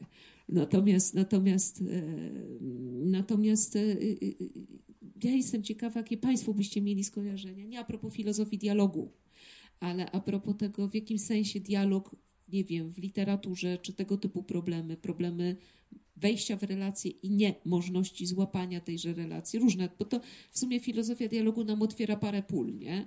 Z jednej strony samych warunków w ogóle rozmowy, tego na ile rozmowa jest ważna, na ile rozmowa jest żywiołem w ogóle, który, wokół którego konstytuuje się relacja. A, ale też um, jeszcze w innych polach problemowych. Nie wiem, czy Państwo macie jakieś a propos literatury nie wiem, najnowszej dwudziestowiecznej skojarzenia, jakieś takie własne, które gdyby wam ktoś je zadał, na zasadzie, no to mów teraz, mów o filozofii dialogu, nie o dialogu. I co to znaczy dla literatury? Jakie byście wy mieli skojarzenie? Tak pomyślałam w kontekście twojego pytania o właśnie możliwość badania w ogóle i jak to robić. E, to, że jakby, i też sama próbowałam kiedyś szukać e, filozofii dialogu, ale że to jest właśnie dokładnie negowanie filozofii dialogu, bo w sensie przyszpilam jakiś tam fragment, i tam sobie No tak, ale to tak w ogóle zawsze się musimy z nimi kręcić w takiej bańce, że już ich przyszpilamy, to już mamy z nimi bla, bla, bla. No właśnie, więc z drugiej strony możemy wejść w dialog, właśnie jakby tak spróbować y, już nawet nie z drzewem, tylko z tekstem wejść w dialog. Żeby nie było tylko to przyrodni. Bo też y, y, sam, samo spotkanie jest, to jest też ważne, że ono jest nieopisywalne, zresztą nie, jest, mm -hmm. nie można go przewidzieć, więc trochę jakby wymyka się opisowi, dlatego ta filozofia już tak się zatrzymuje w pół kroku, żeby nie powiedzieć za dużo. Tak, no ale to jest w ogóle, to jest w pewnym momencie trochę taka filozofia, w której się robi, chociaż się niby nie chce tego robić, jakby więcej cofek takich i tych ale, i tych zastrzeżeń, wiecie, niż może się powiedzieć coś pozytywnie, bo pozytywne jest od razu obiektywizujące, od razu wprowadza wam jakieś coś w pole, od razu jest jakimś formą orzeczenia, prawda? To w pewnym momencie się robi z tego lepsza apofatyka, prawda? Jak się tutaj się trzeba cofnąć, tutaj nie tego, tutaj jakby to powiedzieć, wejść w relację, ale bez nadmiernego eksploatowania tejże. Um, rzeczywiście to trochę zawiesza, to też dlatego mnie filozofia dialogu z jednej strony wrażliwościowo jakoś inspiruje, no bo to jest jedna z tych podejść takich ważniejszych, ważniejszych podejść jednak tego generalnego nastawienia na drugiego, nie? A jeśli się mówi o nastawieniu na innego, to w ogóle sama formuła inności wiadomo już co zapowiada. To znaczy, jakbyś się nie pocił człowieku na przekraczanie pewnych granic, to zawsze jesteś wobec jakiejś formy niewiadomego, nie? E, I nie ma zmiłuj. To znaczy, to możesz się nastawić już tak empatycznie, że się normalnie sam rozpuścić od tej, od tej empatii. Co z tego, prawda? To w takim razie filozofię dialogu można bardziej pływać tam, gdzie w tekście dialogu właśnie nie ma. Na przykład. No, to by była logiczna konsekwencja tego wszystkiego, co żeśmy powiedzieli. Tak, znaczy w ogóle z formalną postacią, może to moje przytruwanie przez jakiś czas też chyba jednak też uzmysł, jakoś mnie samej też trochę uzmysłowiło, że w gruncie rzeczy bardzo często my, czy, czymś innym jest dialog w sensie formalnie, tam gdzie zaistnieje dialog, tam gdzie dialog jest zapisany, a czymś innym jest to dywagowanie o dialogu, o którym mamy do czynienia u dialogików. Ale to też nawet przywoływany przeze mnie już zupełnie na marginesie Michał Bachtin, który sobie mówił o słowie, o żywym słowie, o relacji, o takiej wewnętrznym dialogu w tekstach to Bogiem a prawdą, to zaczynał wtedy już rozumieć ten dialog tak szalenie szeroko, że zupełnie się nie zastanawiał nad partiami dialogowymi. Czasem się też zastanawiał, już bez przesady ale jakby nie rozumiał tego, nie, nawet często nie skupiał się nad tym, gdzie były partie dialogowe, bo to jest eksplicytny dialog, tak? To jest dialog, wiecie, jaki macie po prostu przed oczami. Nie. Gdzie Bachtin szuka dialogu? Tam, gdzie jest potencjalny monolog, tak? tam, gdzie jest jedno słowo, tam, gdzie jest monolog, bo w tym monologu on słyszy jakieś wewnętrzne, ukryte repliki, pokłady dialogowości. Na tym polega cały problem z rozkminianiem tego typu postaw, nie? że w rezultacie y, y, tam, gdzie jest literalnie rozmowa czy dialog, nie ma gwarancji po pierwsze nastawienia empatycznego, takiego, jakie chodzi dialogikom, bo przecież dialog może być zamykający, w sensie wszelkim, poznawczym, filozoficznym, empatycznym, kontaktu. A tam, gdzie nie ma dialogu eksplicite wypowiedzianego, tam, gdzie nie ma orzeczenia na żaden temat, tam właśnie może mieć swój popas filozofia dialogu z jego wszystkimi, prawda, empatycznymi założeniami, czy nastawieniem na tę twarz, na tę twarz, na przykład Lewinasowską. Nigdy nie wiedziałam do końca, co z tą twarzą, ale, ale powiedzmy, że wrażliwościowo mniej więcej, mniej więcej wiem. Ja już tak, znaczy ja w ogóle skończyłam. Ja gadam chyba z już takiego przymusu, siedzi i nawija, ale to nie znaczy, że ja już nie jestem po swojej prelekcji. Która nie jest prelekcją w ogóle, tylko jakimś próbą przybliżania się do jakiegoś zagadnienia. Tak ostrożnie nazwijmy. Dziękujemy. Dzięki.